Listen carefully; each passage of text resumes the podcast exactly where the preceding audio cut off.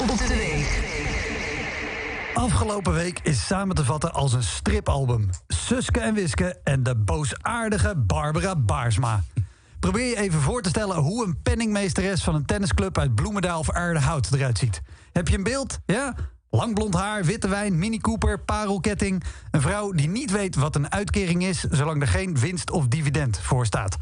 Nou, Barbara is een econoom in dienst van de Rabobank. Je weet wel, de bank die de afgelopen decennia boeren vrolijk stimuleerde... tot groter, groter, meer, meer. Alles was mogelijk als ze maar leenden bij de Rabo.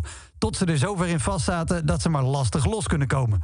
De Rabo is een loverboy die eist dat je je eigen cadeautjes afbetaalt. Die Rabobank dus. Die voelt nattigheid nu er een einde moet gaan komen aan de eindeloze groei van de agrarische sector en dus aan hun lucratieve winstmodel. En wat doe je dan als bank? Het boetekleed aantrekken? Nee. Voorstellen de financieel bij te dragen aan oplesselingen, zodat die niet volledig door de maatschappij hoeven te worden betaald? Inderdaad. Nee, natuurlijk niet. Dit is de Rabobank. Dit is de bank die in 2013 nog een boete van een miljard kreeg... omdat ze hadden gefraudeerd met een van de belangrijkste rentetarieven van de wereld. Wat doet de Rabo? De Rabo belt Barbara en zegt... Bar, barmeister, Babsi, Bars money. Kan jij niet eens even een geinig proefballonnetje oplaten over CO2-rechten... waar iedereen van gaat stijgeren... zodat het lijkt alsof we echt wel oplossingen aan willen dragen... maar we in werkelijkheid gewoon tijd kunnen rekken... en proberen onze belangen veilig te stellen.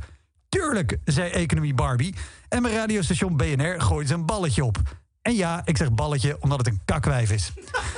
Aan allerlei vervuilende dingen, zoals vliegen, worden CO2-rechten gekoppeld. En iedereen krijgt een hoeveelheid rechten die je mag inzetten zoals je wil. En als je extra rechten nodig hebt, omdat je bijvoorbeeld naar Milaan wil vliegen om te shoppen en bubbels te drinken, dan kan je extra rechten kopen van een of andere pauper zonder golfbewijs. Nou, top idee voor mensen met geld, want die hoeven hun leefstijl niet aan te passen. En mensen met minder geld, who cares? Het zijn mensen met minder geld. Het idee van iemand die meer vervuilt meer laten betalen is helemaal geen gek idee. Sterker nog, het is een top idee. En we hebben er al een systeem voor. Dat heet belasting. Hef belasting op vliegen bijvoorbeeld. En dan krijg je automatisch een systeem waarbij iemand die veel vliegt veel moet betalen. En iemand die niet of nauwelijks vliegt weinig betaalt. Het is eerlijk en het geld dat het oplevert gebruiken we dan om de nadelige gevolgen daarvan te compenseren. Er is alleen één klein probleempje met belastingen. Rijke lui en bedrijven jammeren altijd succesvol dat zij wel heel veel belasting betalen.